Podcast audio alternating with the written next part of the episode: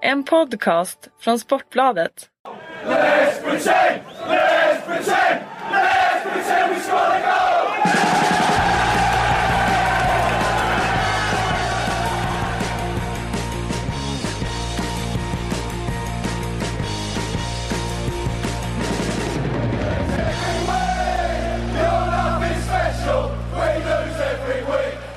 Vi välkomna denna måndag faktiskt som det är vi spelar in Sportbladets Premier League-podd idag. Eh, det har inte spelats som Premier League-fotboll sen vi eh, pratades vid senast Kalle. Prata, spelas lite FA-cup däremot och, och Champions League inte minst tillbaks. Precis. Eh, kommer det bli en hel del surr om Arsenal. som ju- FA-cupen nu för tiden, det har ju blivit lite av frihelg för min del. Ja. Jag har Det är ju så här när man eh, bevakar det här så får man inte så många lediga helger. Så Nej. jag passar på att eh, ägna mig åt min kära flickvän. Eh, de få helgerna det inte spelas Premier League och det innefattar faktiskt FA-cupen. Så att eh, eh, Ja, man får, man får vinna några slag och förlora några slag. Ja så, men så precis, Nej, absolut. Vi har några, alltså det finns inte så jättemycket att säga om helgen heller. Ehm, Lincoln eh, slog ut Burnley, det var imponerande. Det är en stor skräll. Och det häftiga med det, det tycker jag är det där med att de kan få den här stora matchen nu mot Arsenal i nästa omgång då. Vinnaren Mm.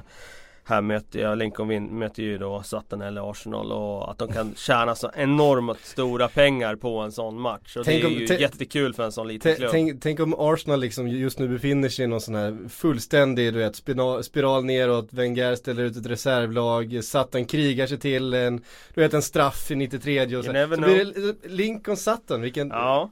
Men då har de ju å andra sidan chansen att gå ytterligare en omgång och få en eh, ännu större match. Eh, Exakt. Framöver, Det blir en i semifinal i turneringen. sådana fall. Ja precis, då får de åka till Wembley. Så att, Ja. eh, Jag tror att de skulle ta det. Jag tror de skulle ta det också. Nej men det, jag tycker det är häftigt just det där chansen för den lilla klubben i England att trygga Mm. ekonomin på så lång sikt. Det var ju lilla Exeter, de gjorde ju det och det var ett jättebra eh, reportage i Offside om, om just den resan. Det här var väl tillbaka på 2005 eller något sånt där. 2004 eller något sånt där när de fick åka till Old Trafford.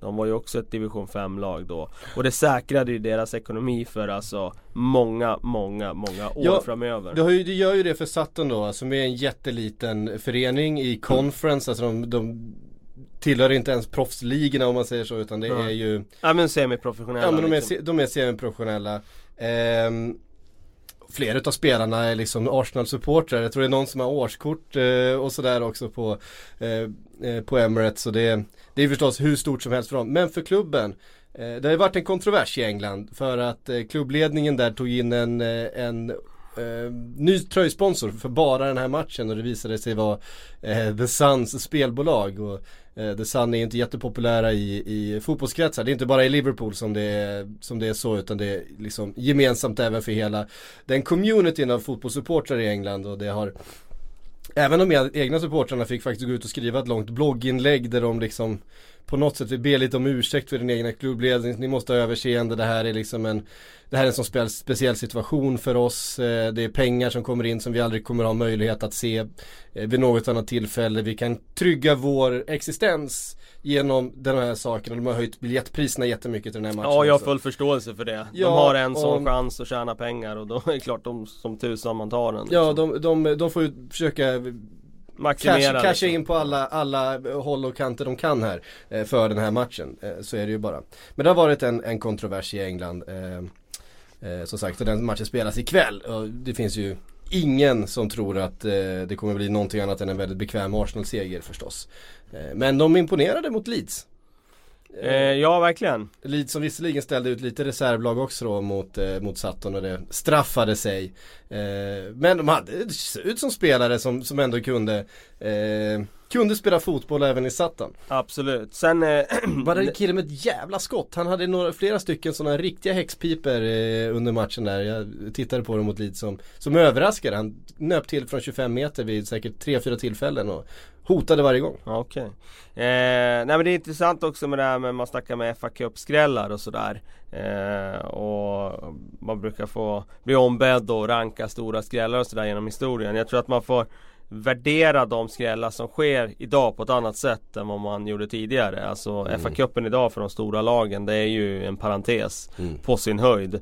Eh, liksom helt och hållet roterade elvor och ingen som helst prioritering på den turneringen så att eh, vi kommer nog se eh, vi har ju sett de senaste åren att Premier League-lagen åker ur rätt tidigt och att de när de går långt så är det i alla fall med reservmålvakten i mål och det så mm. vidare liksom. Mm. så att skulle det ske en skräll ikväll så slår jag fast redan nu att det är inte någon eh, skräll som går in på topp 10 utan ja, det är bara ett, ett led i tiden att, eh, ett tecken i tiden att eh, de stora lagen prioriterar inte FA-cupen. Mm.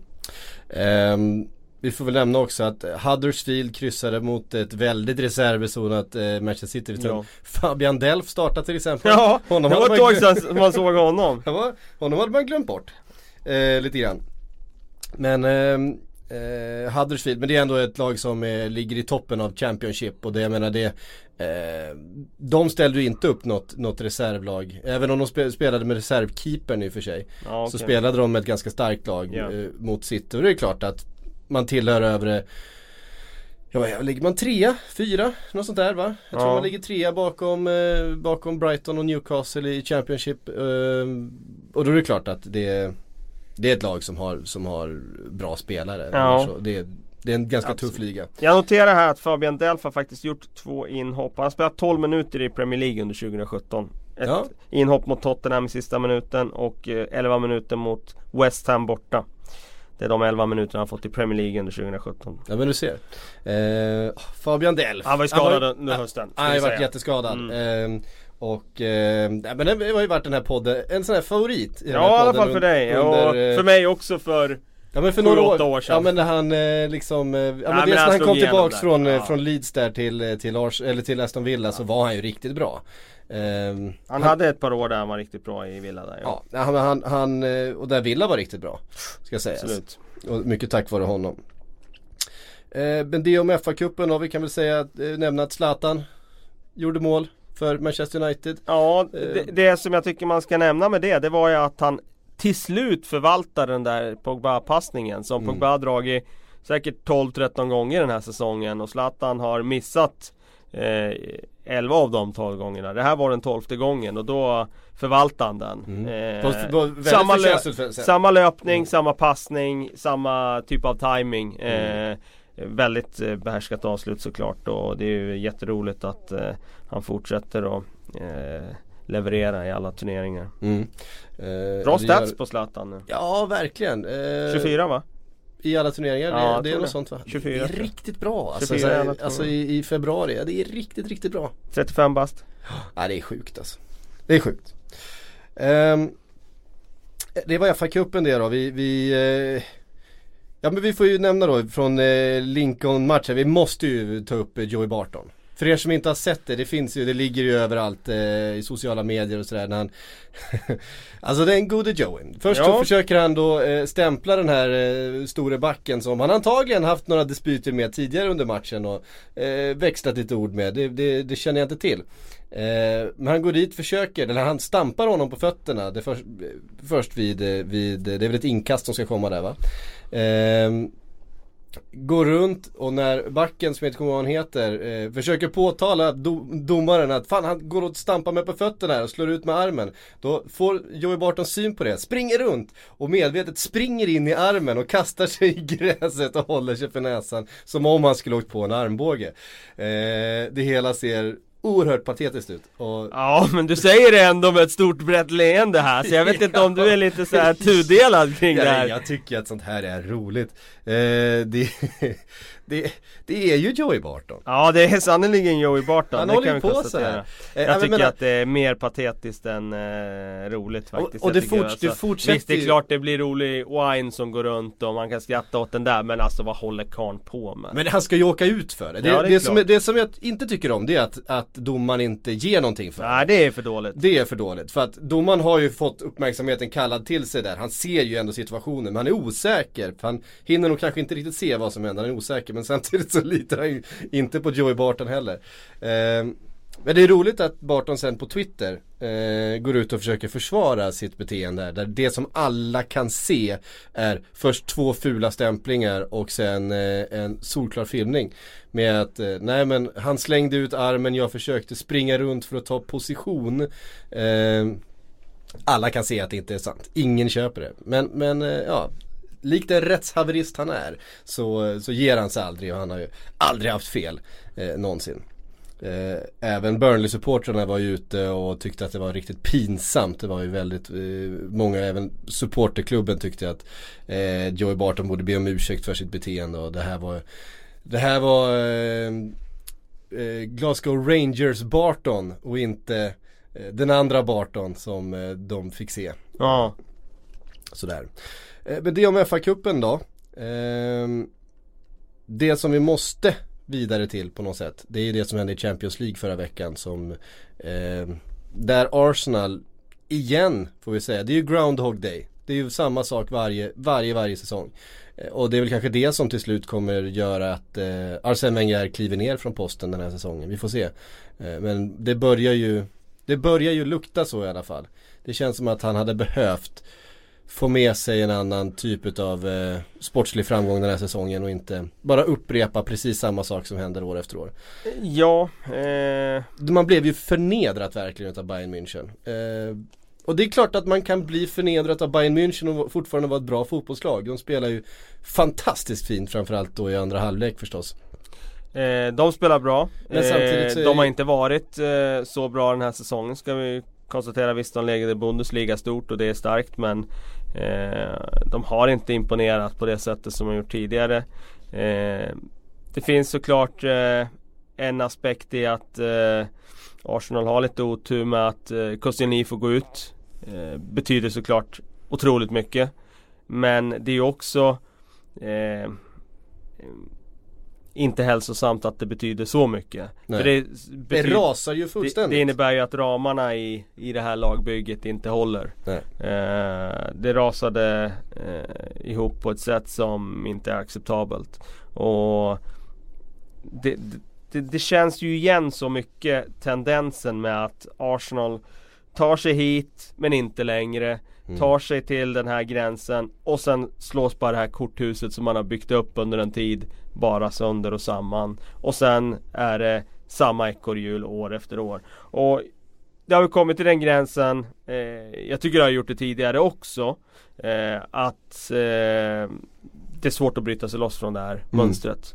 Eh, jag tyckte att det fanns någonting i Wenger och hans projekt när de började handla spelare för eh, Färdiga spelare Färdiga spelare, mm. Mesut Özil för fy, snart fyra år sedan mm. eh, Alexis Sanchez eh, Han la pengar på försvarare Gabriel, Mustafi eh, Debussy och mm. så vidare eh, Jag tyckte att liksom det var någonstans på rätt mm. väg. Även alltså Granit Xhaka i somras. Alltså, Granit Xhaka i somras, mm. även om den inte har fallit ut mm. väl så är det ändå eh, de Det är en tydlig ansen... värvning. Ja precis, mm. och de la ansenliga pengar på en defensivt stark mittfältare ska vara defensivt mm. stark i alla fall. Men eh, Och försökte köpa sig lite ryggrad där också men det har man ju inte fått. Nej det har man verkligen inte fått och problemet är ju som sagt att Jag tror att det blir liksom en mental blockering också. De skulle behöva byta ut också delar av den där kärnan för att mm. de skulle få, behöva få in nya ledartyper som mm. står när de andra faller, som eh, inte viker ner sig när det blåser och det går emot och så vidare. Och jag tycker den där tendensen har alltid funnits lite i Arsenal. Alltså när det blir tufft och när det går emot Då viker man ner sig. När solen skiner hemma på Emirates och man leder med 3-0 Så kan man spela den bästa fotbollen i hela ligan. Och det kan se fantastiskt ut men Det finns för lite ryggrad i det där laget. Och det har kommit till den punkten för ganska länge sedan tycker jag i och för sig då men eh, nu har det ju kommit till den punkten att när det här kontraktet går ut med Wenger då måste det bli ett skifte. Eh, jag trodde att han själv, jag, jag har inte trott att han ska få sparken för att eh, han har gjort för mycket för klubben. Så förra sommaren så man förstod ju att eh, klubben kommer inte sparka honom och han själv är ju för envis för att gå själv. Även om, jag tror det var två år sedan som jag kände att nu är ju själva känslan kring Arsenal så negativ så att nu mm. måste han ju gå själv alltså Han måste ju känna själv i sommar att nej men det är dags. Och så avslutar de typ med för åtta raka vinster och så var det positivt och sen ja Och så blev det inte så eh, Men Min känsla har varit hela säsongen att eh, Om man inte vinner ligan i år Då när kontraktet nu går ut så känns det ju bara fullt rimligt både för han själv som är väldigt, väldigt noga med det där med att jag ska hedra mitt avtal mm. jag kör tills avtalet tar slut. Han gjorde ju faktiskt det i Japan när han skulle ta över Arsenal. Det var mm. därför han tog över när han gjorde det i september snarare än när säsongen började. Den gången bara för att avtalet skulle han hedra. Mm. Eh, att han går nu. Eh, jag tror att det är bäst för Arsene Wenger och hans eh, eftermäle. Jag tror att det är bäst för Arsenal och jag tror att det är det som hela klubben behöver. Eh, de behöver en, en, eh, ett helt nytänk kring, kring egentligen allt. Och eh, det är klart att det kan bli ett trauma just när en stor eh, liksom, tränare försvinner. Men jag tror inte det blir på samma sätt som Sir Alex Ferguson. För han går efter en ligavinst. Han går i ett läge där hans eh, status den är ju så hög och så intakt som den någonsin har varit under hans tid vid rodret. Så det blir ju en stor skillnad redan där. Mm. Den som kommer in efter Wenger, han är ju på något sätt efterlängtad för att eh, halva, minst halva fanskaran vill ju ha en ny mm. tränare. Och eh, jag tror bara den lilla eh, skillnaden för den nya tränaren kommer göra att det blir inte den där David Moyes traumat. Jag ser två saker här. Dels så tycker jag att Wenger i sådana fall borde annonsera ganska, ganska snart, kanske inte redan nu, de har fortfarande en returmatch mot Bayern München och så vidare. Men, men kanske någon gång i slutet på mars, mars att nej, det här blir det sista. Eh, därför att någonstans så, jag är så pass blödig kring det här. Jag tycker ändå att Arsene Wenger är en av fotbollsvärldens absolut största. Han är ett av de största namnen, han har gjort så otroligt mycket för inte bara för Arsenal men för liksom engelsk fotboll och överhuvudtaget hur han har utvecklat den och eh, den Ja men den otroliga profil han har varit i världsfotbollen för Arsenal under så många år. Ja. Eh, att jag tror att Arsenal som klubb med sin ganska eh, bökiga fanbase. Gaphalsarna på Arsenal Fan TV. Och så, även allt det där behöver liksom samlas runt eh, Eh, runt det faktum att nu ska vi tacka av honom liksom. Jag menar, blir det liksom, ja men han ska ändå lämna, vi kan ändå se framåt, någonting nytt kommer hända. Eh, oav, lite, lite oavsett hur den här säsongen slutar, det är klart att man alltid vill vinna, man vill ta den där Champions League-platsen. Men om man vet att i slutet på den här säsongen kommer Wenger lämna, det kommer komma in någonting annat, någonting nytt. Eh, som ju den här klubben inte har varit med om sedan 90-talet att det kommer in en ny manager och man får den typen av nystart. Eh, det tror jag skulle gynna alla, jag tror att det skulle gynna den här klubben och jag tror att det oavsett om man har ett lite sämre avslut så tror jag att det skulle vara bra för Wenger och eh, eh och hans avslut i den här klubben. Att jag tror att man, man skulle kunna gå ur den här perioden på ett lite, lite liksom ljusare sätt om alla är med på att nej, men det här är det sista som händer, vi vet vad som kommer hända. Eh, vi kan liksom ägna de här sista matcherna åt att att istället hedra minnet och mm. allting det han har gjort då Men utifrån för... ett fanperspektiv så tror jag att det är rätt mm. eh, så. Utifrån ett spelarperspektiv tror jag inte att det är rätt för att jag tror att Det blir så att om tränaren ska lämna Då, då förlorar du någonting i omklädningsrummet. Du förlorar eh, några procent som du eh, annars hade gett för den tränaren. Eh, jag tror att eh, det är en regel som har få undantag faktiskt. Mm. Och även om man vill det eller inte, omedvetet så tror jag att det blir så. Så jag tror att prestationerna efter det kommer att präglas av det. Mm. det är mycket möjligt. Däremot så när man är borta ur Champions League, när man är borta ur ligan, då tycker jag att man kan mm. presentera det. Men samtidigt så Fjärdeplatsracet kommer ju att leva hela vägen in. Och det tror jag är för vanskligt då att gå ut med det. Det är en för mm. stor risk med det. Men det är klart utifrån ett supporterperspektiv Så tror jag då att det skulle bli så här, du vet kungen är död, länge lever kungen. Ja men Alltså att det, det blir att eh, Ja men nu när han ska lämna, då kommer fansen uppskatta allt Ja, han men har då, gjort får, för då får man klubben. göra de där du vet så här, minnes YouTube-filmerna. Det här har Wenger gjort för att titta vart vi var någonstans, titta vart vi är nu. Hur Ja. har han liksom moderniserat liksom fotbollen i England och fotbollen i världen. Han Men det är en, inte en drivande... viktigare, det är ju inte viktigare än att säkra Champions League-platsen, eller hur? Nej, det kanske inte, det, det är väl inte det. Men samtidigt, jag vet inte. Nej jag tycker inte som klubb att du kan ta den risken. Eh, Du vet inte hur det påverkar laget och, och spelargruppen av att du får reda på nu att tränaren är rökt efter den här säsongen. Han kommer kliva. Och jag tror inte att de är beredda att ta den risken. Nej. Men jag tycker att han förtjänar Ja Jag det, tycker- det är en annan sak. Det är Jag en annan tycker, sak. jag, jag tycker man tycker ju om honom liksom som, som person och som, som fotbollsman. Eh, på något sätt. Men samtidigt det här med att eh, spelarna ska ge allt för tränarna och sådana saker. Om man tittar på hur det ser ut på planen i eh, onsdags så var det ju inte spelare som gav allt. Eh, alltså den här sekvensen när Alexis Sanchez sätter press på Mats Hummels är det väl som han tar en, han tar en löpning och försöker flytta upp och, och, och komma i press. Och så blir han då rundspelad precis som han förväntar sig. Och så tittar han åt sidan och förväntar sig då att ifall det är Oxlade Chamberlain eller ifall det är Özil eller vem det nu som ska eh, sätta press på, på backen bredvid. Eh, och ingen är där. Nej. Och han blir vansinnig. Han står och skriker liksom och, och gestikulerar och han är den enda som springer och jagar. Och sen efter matchen, han hälsar inte på någon, han tackar inte på någon, han går rakt ut från planen. Eh, det är ju inte en jättenöjd Alexis Sanchez just nu i eh, Arsenal, deras viktigaste spelare. Det är en Mesut Özil som inte tar en enda löpning för någon annan. Heller. Eh, just nu. Det är ju de två viktigaste spelarna i, i laget. Som verkligen inte verkar må bra just nu. Ja men så är det ju och det är klart att det är också ett orosmoment med Sanchez framtid. Samtidigt så Arsenal har ju tappat stora spelare förut. Mm, Absolut. Eh, Robin van Persie var väl kanske eh, det mest tydliga exemplet att han Fabregas från... när han lämnade. Jo men, nej, men han går ju ändå från Arsenal till Manchester United van Ja. Persie och det eh, var ju en sån där riktig liksom kniv i ryggen. Mm. Eh, men de reste sig ju hyfsat efter det. Eh, och ja, jag, jag tycker inte det är någonting man ska vara jätteoroad för. De kommer få en massa pengar, de kan köpa in nya spelare. Det är klart att han är viktig. Det är klart att du inte bara hittar en Sanchez ur bakfickan, en ny. Men om man inte har huvudet där så, ja men då get rid. Och Ja för han Gå verk, huvudet verkar ju verkligen inte vara där.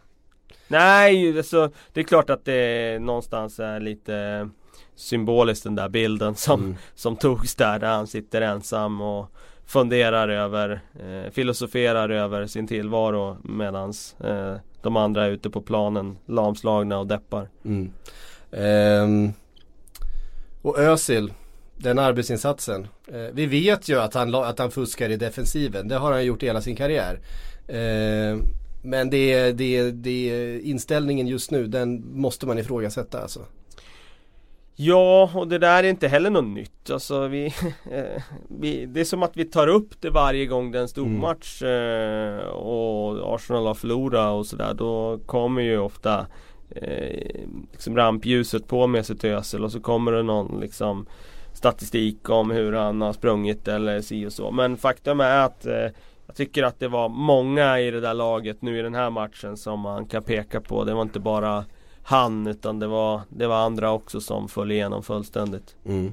Ehm, det där mittfältets skörhet har vi ju stött och blött ganska många gånger. Ja. Eh, och även försvaret. Det, ja, men det- jag menar, ta Coquelin till exempel. Ja. Jag menar visst, okej han är kanske inte eh, Det kanske inte syns lika tydligt på han att han fuskar några meter och så här, Men hans försvarsspel när Robin gör 1-0 Det är ju liksom eh, Alltså det är ju inte pojklag ens utan eh, hur, hur kan man få sådana hjärnsläpp ute på plan på den nivån? Det är för mig ofattbart. Alltså eh, Han chansar liksom på att Robben ska gå på sin högerfot. När alla vet att han vill vika in på sin vänsterfot och avsluta i bortre. Mm. Och sen eh, låter han bara honom trampa rakt in där. Då måste man ju Då måste det vara något kardinalfel eh, är väl- Antingen är det på individnivå eller så är det på kollektiv nivå Men jag skulle säga just i det där fallet Det är ju ingenting som tränare som du kan Ja det är klart att du kan coacha bort det men hur kan Coquelin måste ju samtidigt själv också kunna lösa en sån situation. Ja. Ehm, och det faktumet, en annan eh, detalj som har eh, också blivit väldigt omskriven var ju det att eh, när Koscielny går ut så är det alltså den seniora spelaren i laget som då får kaptensbindeln är en eh, en Kieran Gibbs som vi vet inte är någon ryggradsspelare. Nej det är han inte. Eh, 27 år gammal nu har det liksom ändå inte kunnat etablera sig som eh, en startspelare i det där laget. Eh, alltså det säger, det, det, det jag vet inte, vi kanske inte ska lägga för mycket vikt i vem som är eh, kapten. Jag vet inte hur stor roll det egentligen spelar. Men det skickar ju ändå en signal eh, till att man, man har ju inte Någon ryggrad. Man har inte någon ryggrad på planen. Nej, och eh, Nej, det, det, det, är en symbolisk bild av någonting som är betydligt mycket större än att han är lagkapten. Utan mm. det, det, blir liksom en, en liten fragmentarisk bild av tillståndet i Arsenal. Och ja, det, är en bra symbolisk bild men mer än så kanske det inte är. Om vi du till, tillåter oss att spekulera bara någon minut. Ja. Eh, Arsenal in A lot can happen in three years, like a chatbot may be your new best friend. But what won't change? Needing health insurance. United Healthcare Tri Term Medical Plans, underwritten by Golden Rule Insurance Company, offer flexible, budget friendly coverage that lasts nearly three years in some states. Learn more at uh1.com. För nästa säsong och fortsättningen här, om vi ponerar att, att Wenger då hedrar sitt kontrakt och kliver av. Um, Ja, vi har fått eh, fråga här utav eh, Boogie på, eh, på Twitter. Eh, vem föredrar Kalle av Chardim, Allegri eller Tuchel som ersättare till Wenger? Jag, jag ställde den frågan eh, på Twitter i, eh, i helgen. Eh, eller var kanske före helgen till Ja och med, just det, efter, jag minns att du gjorde det. Eh, vad, och fick en, vad var det för alternativ du hade då? då? Det var Eddie de, Howe? Det var de alternativen plus Eddie Howe. Okej. Okay. Eh, och det intressanta där i omröstningen, nu ska vi ju inte ta en sån här omröstning på något som helst allvar för att det finns ju även supportrar i andra lag som går in och väljer det eh, som de kanske helst hade sett. ja just det, och det är inte det bästa alternativet det, utan det är det sämsta. inte det bästa, bästa alternativet. Eh, Talar du av egen erfarenhet här, att du själv har gjort just det här eller? Eh, det lät nästan som det. Det har väl säkert hänt att man eh, väger in sin egen lojalitet i, i en sån där. Men nu ställde jag ju frågan till Arsenal-supportrarna, sen så får vi väl se. Eh, och då är det Allegri eh, som har fått flest röster. Mm. Jag, jag, tror det är det namnet som flest Arsenal-supportrar vill ha. Det, mm. det är en, ett namn man känner igen. Ja. Eh, som har Champions League-erfarenhet. Eh, som har tränat eh, lag på hög nivå under många år. Ja. Eh, tvåa här då på 27%. 39% på Allegri, 27% det är alltså Eddie Howe. Eh, och jag vet inte hur många utav Arsenal-supportrarna som faktiskt eh, egentligen ser Eddie Howe före till exempel en Thomas Tuchel eller en Jardim. Eh, vad säger du Kalle? Vem skulle du helst vilja se i Arsenal? Eh, inget av de där namnen. I, inget av de namnen? Eh, jag skulle, om du frågar ju helst. Ja. ja. Eh, jag skulle gärna se eh, Jorge Sampaoli som eh, tränare i Arsenal. Men han är, ska han ta till Barcelona nu då? När, eh? Det kan vara så. Det är nog inte alls omöjligt. Eh, men eh, du frågar helst. Ja, ja, ja. Och eh, men av de alternativen här då, för det är de som det har skrivits mest om. Det är ju mm. de här fyra. Absolut. Nej men då, då tror jag, rent spelarmässigt så alltså Allegri är en fantastisk tränare. Jag har jättestor respekt för honom. Han har gjort bra resultat både i Milan, i Cagliari, i Juventus. Han är stor tränare. Eh, men eh, jag är inte säker på rent fotbollsfilosofimässigt att det är Arsenal över honom. Eh, han kommer definitivt styra upp försvarsspelet, det, det, är jag säker på. Men jag tror också att det går något förlorat i anfallsspelet då. Eh, jag tror att det blir en ofrånkomlig eh, balans att eh, du, du fokuserar någon annanstans och du offrar något annat. Jag tror att en, en, en tränare som Thomas Tuchel eh, skulle vara en, den typen av klubbyggare, den typen av eh, tränare som skulle kunna um, ha den här auran gentemot eh, supportrar världen över gentemot eh, eh, ja egentligen varumärket Arsenal som gör att han får dem med sig. Jag tror att han har en fotbollsfilosofi som skulle passa utmärkt. Och jag tror att han Det ligger liksom i linje nu med att han Att han får ett större uppdrag. Ja, mm. säsongen i Dortmund har kanske inte varit fantastisk i ligaspelet men han har gjort det väldigt bra där i Tyskland både i Mainz och i Dortmund. Det är en intressant tränare. Jag, eh, rent spelarmässigt så tror jag nummer ett på Sampaoli, nummer två på Tuchel av de här namnen som har nämnts. Mm. Um, Eddie Howe var ju väldigt mycket förra säsongen faktiskt som han kopplades ihop med Arsenal-jobbet och det är ju engelsk press som skriver det här. Eh, de är ju rätt så upptagna med engelska namn och folk de känner igen. Eh, det finns nog fotbollsreportrar i England som inte ens vet vem, eh, vem Sampaoli är. ja, de vet ju vem det är förstås men, men de har ju en tendens att värdera lite, lite olikt och jag tycker man har fått den här säsongen så tror jag det är väl ganska få som skulle hävda att eh, Eddie Howe är redo för den här typen av eh, uppdrag. Eh, det är ganska långt från Bournemouth till Ja men sen blir det så där, det, det är så roligt det där med tränare Det går så jäkla fort i svängarna där mm. med vad folk tycker hit och dit liksom Gary Monk gör det jättebra i inledningen av säsong, förra säsongen med Swansea mm. Då är det så här, han är Englands nya förbundskapten spekuleras mm. i Alan Pardew gör bra i några månader med liksom eh, Crystal Palace. Ja men han är ny engelsk förbundskapten. Sen ska Marco Silva ta över Hall. Han är inte vattenvärd enligt Paul Merson. Han mm. liksom va, va, Paul Merson är ja, alltså den, den värsta utav dem. Ja men varför liksom, vad har han här att göra? Hur, ja. hur kan han överhuvudtaget förtjäna att få det här jobbet framför någon annan? Ja och sen kommer han in i Hall, styr upp deras försvarsspel. Men eh, ja, ja, det ser betydligt bättre ut och jag ska inte ta något ifrån han men det är fortfarande så att de de eh, ser bättre ut men de är inte Deras offensiv är ju fortfarande eh, obefintlig mm. eh, Ja nu spekuleras det att Marco Silva är ett av namnen som kopplas ihop med Med Arsenal Det är liksom det svänger så otroligt fort här mm. och när det gäller tränare så återigen, det är så otroligt svårt för alla utomstående att bedöma tränare för vi ser egentligen inte deras arbete. Det enda vi ser det är resultaten mm. och det bygger på så otroligt många olika parametrar mm. som inte alltid är påverkbara heller ska man säga. Nej. Eh. Och jag menar, nu pratas det för att det kommit en del rapporter om att Jardim från Monaco skulle vara aktuell. Eh, och jag menar, det är ju inte en tränare. Visst han har gjort det jättebra i Monaco här. Det har liksom verkligen. Eh, men det är ju inte liksom en, en tränare som har tio års erfarenhet av den, den högsta nivån liksom. Eller, eller någonsin ens har tränat ett storlag. För Monaco är inget storlag. Nej det är Olympiakos, det är Sporting, det är Monaco liksom. Ja, och sen precis. är det rakt upp till Arsenal. Och det är klart att det han gör i Monaco är imponerande. Det är ingen tvekan om det. Den offensiven där är ju fantastisk. Men jag... Eh, han fick väl Ja, han fick jag väl en... kicken i Sporting va? Eh... Före han eh, hamnade i Grekland. Ja det kan han ha fått ja. Kanske han fick det. Jag har för mig det. Ja. Nej, jag kan ha fel. Eh, men men eh, eh, det, det, är intressant för någonstans så behöver man ju även liksom namnmässigt och kommersiellt utmana de andra toppklubbarna i England. Och vilka hittar vi där? Ja men där hittar vi Pep Guardiola, där hittar vi Mourinho, där hittar vi Conte, där hittar vi Klopp.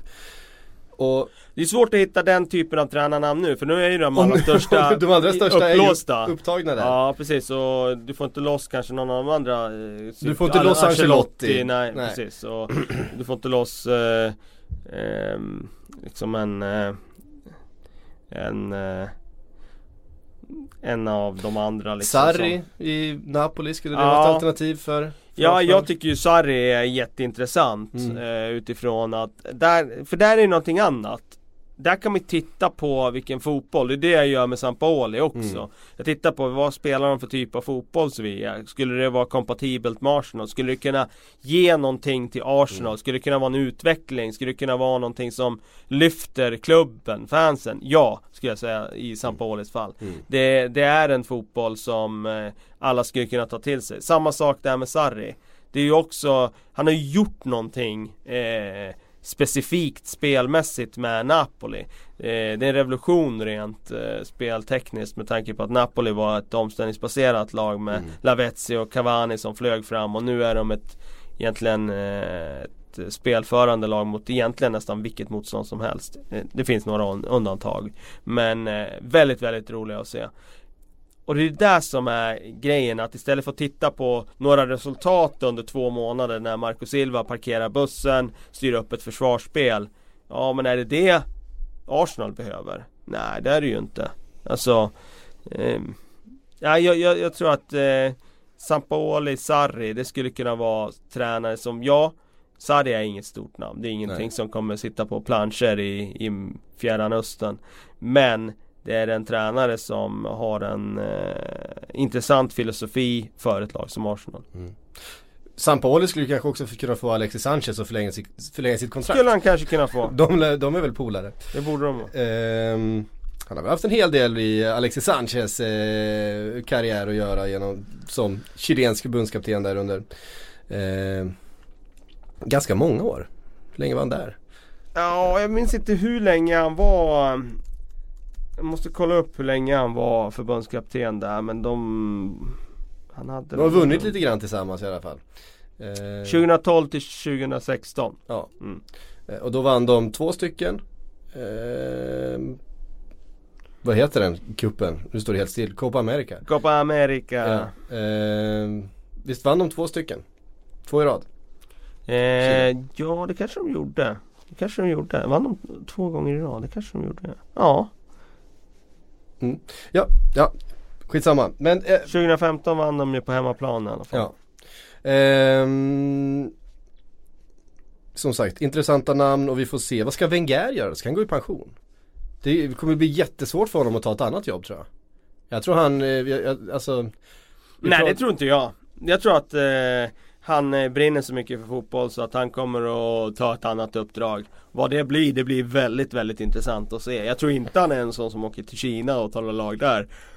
Nej det tror inte jag heller. Jag kan se honom ta liksom något projekt i Frankrike. Mm. Eh, återvända till Monaco. Rakt, rakt byte där, Monaco ja, då? Ja, exakt. Återvända till Monaco vore ju någonstans eh, häftigt. Men eh, nej, vi får se. Vi får se. Ner till Milan och ta över det där eh, det, vore ju, det, det vore ju väldigt spännande att se Wenger gå till Serie A. Eh, mm. Oj, oj vilken kulturkrock. Ja.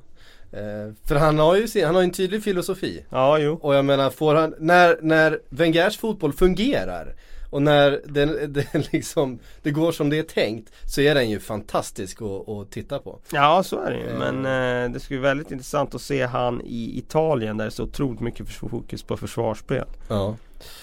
Ja, eh, det var en lång harang om Arsenal. Det, det tycker jag de är värda en sån här eh, En sån här Det kommer säkert bli fler under våren. med tanke på att de är i återigen får man säga står vi här vägskälet lite. Mm. Alltså, det känns som att vi har den här diskussionen varje år med dem. Visst att det finns skador också att peka på, för det har ju varit den, den största diskussionen nästan de senaste åren, alla skador. Och vi kan peka på skadan på Cazorla, vi kan peka på skadan på Koscielny nu i matchen. Eh, och sådär. Men det är inte på det sättet som det har varit tidigare säsonger, att vi har kunnat räkna bort ett halvt mittfält Nej, liksom. det är det inte. Det har inte varit skadekris liksom, på det sättet. Visst, de har haft skador, men inte på det som är borta halva säsongen och liksom man har förstås svårt att ha en ersättare. Ja, det har inte varit den där jättekrisen som man alltid får i Arsenal och som man alltid liksom räknar in nästan. Mm. Det har det inte varit. Nej. För jag menar en Alexis Sanchez och så vidare, de har ju varit skadefria i stort sett under hela säsongen. Eh, om jag inte minns helt fel. Eh, vi lämnar det då och sen så tar vi och tittar lite framåt då vad som händer i Champions League i veckan. För där har vi två stycken engelska klubbar som ska eh, ut och pröva lyckan. Ett Leicester som ju ligger lite skrynkligt till i bottenskiktet av, eh, av ligan ska resa ner till Sevilla eh, och möta då Sampaolis eh, lag som ser väldigt starka ut i, i La Liga just nu. Eh, och frågan är hur de resonerar eh, hur Ranieri resonerar. De har Liverpool på måndag kväll tror jag.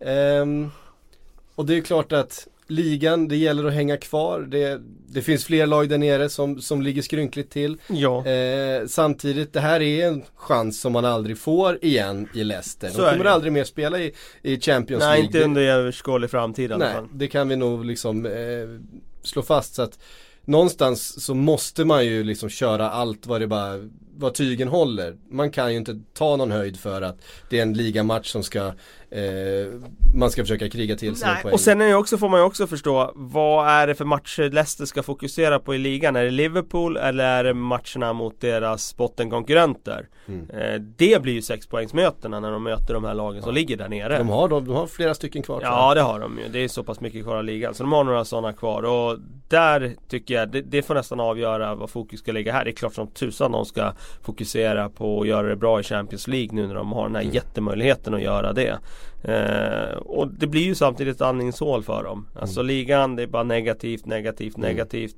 Komma ut i Europa och spela, där har de spelat avslappnat på ett helt annat sätt Fått Mm. använda sitt omställningsspel Eh, det ska bli jätte, jättespännande att se dem i den här fighten Ja.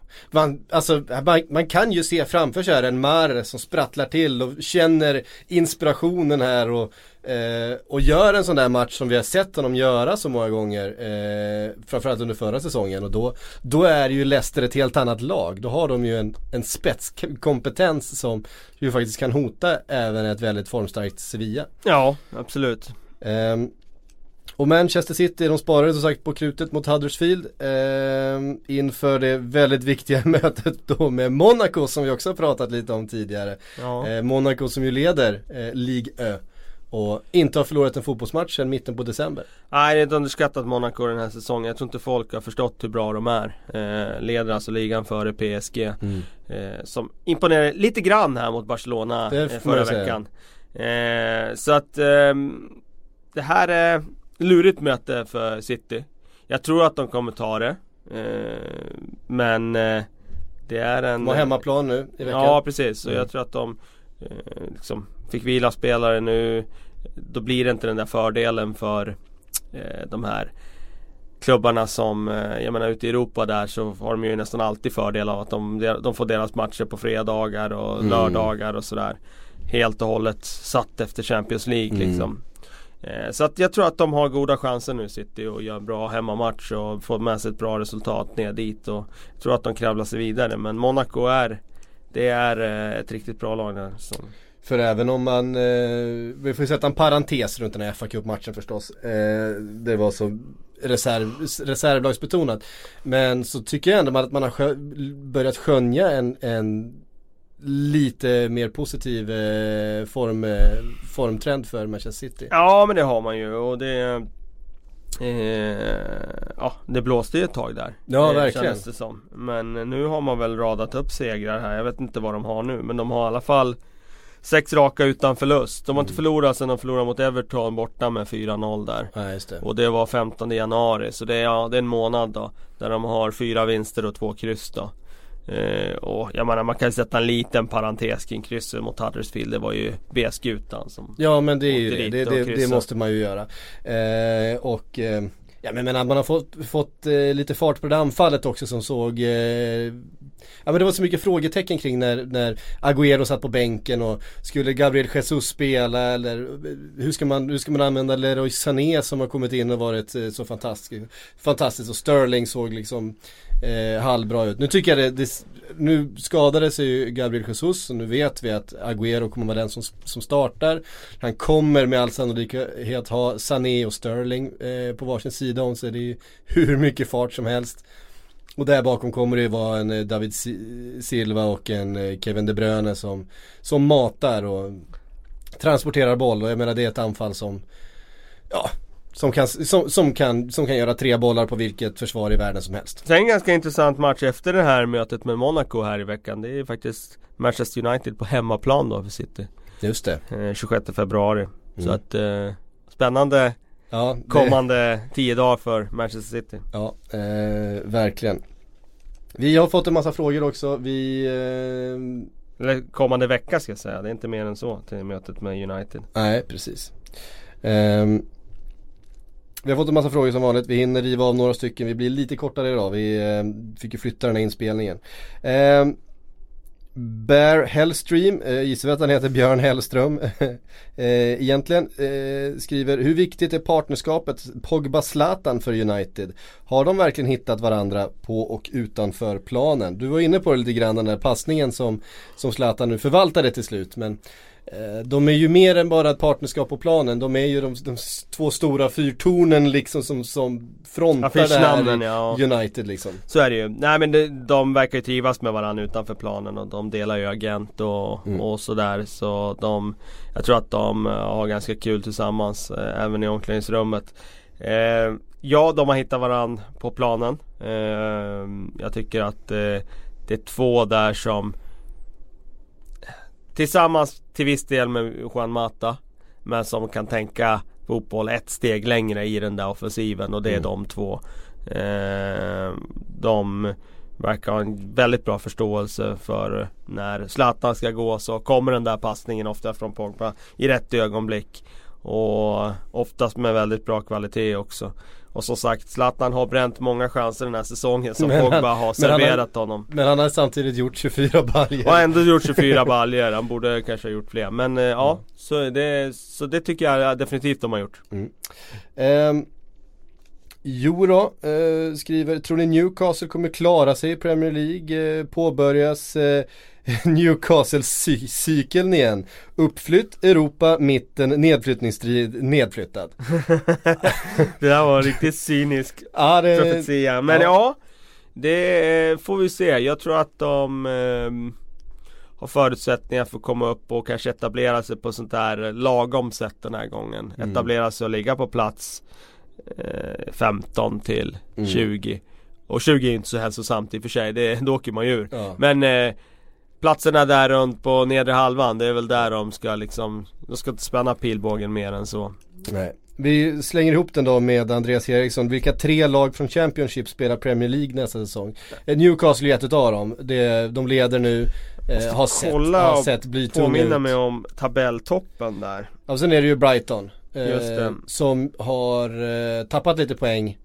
Eh, senaste månaden här men fortfarande ligger tvåa. De ligger väl tre poäng bakom Newcastle tror jag. De leder före Newcastle nu men de har en match mer spelad då. Ja så kanske det är. De Det- leder två poäng före, så Newcastle de- kan gå om. En poäng före är de då i så fall Newcastle.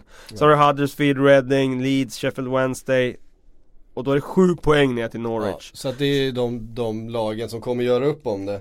Ja, Fulham har två matcher mindre spelade så de skulle potentiellt kunna gå upp och vara närmare playoff-platsen där. Men eh, det, är så, det är ju Lotto, Brighton och Newcastle tror jag blir de två som går De har ju rakt upp. toppat Ja. hela, hela säsongen. Känns som de mest stabila lagen. Sen vem som går upp ur den där fyran, det är, man, jag tippar på det laget som kommer sexa då, för det är så det brukar vara. Eh, det, är ju, det är ju roliga lag, för dels har du ju Leeds då Ja, med Pontus. Jansson eh, Som liksom den stora, verkligen, spelaren där och allas favoriter i det laget Ja, eh, Du har Reading, Japp Stams Reading eh, Som också är roligt eh, Du har lilla Huddersfield Som eh, Vad heter han, Wagner? Wagner, ja. Mm. Jürgen Klopps bästa kompis, eh, tränar. Eh, som ju verkligen spelar en, en liknande fotboll. Det är väldigt hög press, det är mycket löpmeter.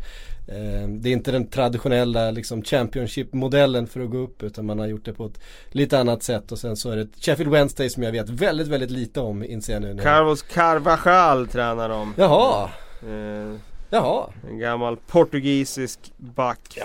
från Braga. Han var ju... Men eh, det är väl, eh, säger väl någonting också här om att eh, det är utländska tränare som eh, dominerar här också då med Rafael Benitez på väg upp. Ja. Det är Brighton som Vem har väl Brighton? Ja det vet jag, det är väl eh, eh, det, Är inte det vår vän eh, Vad heter han nu igen som var i Newcastle? Chris Hutton, Ja, Norwich ja just det. Ja. Är det han som är Brighton? Ja. ja men det är ju kul, honom Ja. gillar man ju. Så där är en brittisk Och tränare så sa du Japp som- Stam, Och så Japp Stam och sen har du Carvajal och, Och Wagner och Wagner. Ja. Ja. det är intressant. Ja Det går inte sådär jättebra för de engelska Brittiska träningarna Nej. Så det är väl tur att eh, Chris Hutton visade att eh, det i alla fall finns någon liten strimma av brittisk hopp Du jag har faktiskt med mig ett vykort här också. Vi fick det för några veckor sedan. Eh, vi har inte fått med det till studion. Eh, det står på framsidan en, en tandemcykel så är det ett nygift par så står det för alltid och lite till. Eh, och så står det jag undrar vad Crystal Palace behöver göra för att rädda säsongen. Har enligt mig spelarmaterial för övre halvan. Och sen skriver han, sen undrar jag hur hur ni tycker att Stoke bör spela för att få mer utdelning. Kram från Glenn Hägg i Trollhättan. Och så står det lyckönskningar till årets par eh, två hjärtan och står det psyk och Kalle K. Det Ja. var jättefint tycker Ja jag. det var fint, Eh, det vi var har fint. sparat lite på den. Eh, Den eh, sparar vi här på redaktionen. Ja den, den, eh, Kan, kanske får stå på ditt skrivbord där. ja, men den står redan på mitt skrivbord. Ja, vad fint. Eh, jättegulligt. Men vi, vi kan väl svara på den ena frågan då med Crystal Palace. Jag kan hålla med om att de har ett, ett lag som är för bra för att egentligen åka ur. Sen om de har ett, ett lag för övre halvan det, det, Det tycker inte jag, Nej, nej. tycker jag inte riktigt att de har. Alltså jag tycker många lag sådär i i Premier League har ju den där så de har ju så pass bra material så man kan ju Mm. någonstans se att får de till det här då kan det ju se riktigt, riktigt bra Mm. ut. Om man inte pratar liksom Men ta West Bromwich den här säsongen. Ja precis. Alltså, de får ju ut max de utav sitt material Ja just nu. precis. Och det är klart att man kan se det med Crystal Palace också men jag tycker inte de har den jämnheten så att man kan tala om att de ska Jag menar de har vunnit tre fotbollsmatcher sen den 24 september. Mm. Eh, Jag tycker, jag tycker att inte att de har försvaret eh, för det. Det är försvar, ett försvar som har varit väldigt bra men eh, med spelare som har varit på väg ner i, i, sin, eh, i sin karriär. Man såg ju också att, att, att de lånade ju in när Mamadou Sakho, eh, jag vet inte om han har spelat något än så länge. Jag tror knappt han har, han har varit med på bänken har han varit, det vet jag. Men Ja. jag tror fan inte han har lirat alltså. Nej, han har ju inte spelat en seniorlagsmatch sen, ja vad är det, eh, maj, april förra året när han blev, fick sin dopingavstängning så har ju inte han spelat en enda tävlingsmatch. Eh, så att det är klart att han ligger en bit efter. Han gjorde 90 minuter på bänken eh, här i ligan. Men Mm. det är det. Det Det är det har närmaste han kommit. Ja. ja men vi ser ju också ett mittfält där eh, Kabaj inte är vad han har varit alls. Satt ju också på bänken senast Ja. jag kollade ligan där. Precis, eh, så att det, nej men de har ju ett lag som är lite ålderstiget och de skulle behöva få in någonting annat. Lite spelare med formkurva på väg åt andra hållet. Hörru du Kalle, det är faktiskt allt vi hinner den här måndag förmiddagen. Har du något du vill tillägga? Har du trillat in någonting? Eh, Nej, vi ska spela in lite eh, TV imorgon. Sån här Ja. plus premium TV med lite olika lag där. Vi har ju gjort Liverpool ligger ju bland annat ute. Ja, Manchester United Ligger också ute. ligger också ute. Eh, men nu Kommer- ska vi göra lite fler lag imorgon här. Håll utkik efter det. Mm. Eh, plus premium, man kan prova för en krona och kolla på det man vill. Eh, sen kan man bestämma sig för att man gillar det. Det kommer komma fler sådana här program framöver också mot slutet av säsongen. Och en massa annat förstås. Yes. Hörrni, tack för att ni har lyssnat den här veckan. Vi är tillbaka om en vecka igen förstås. Hej!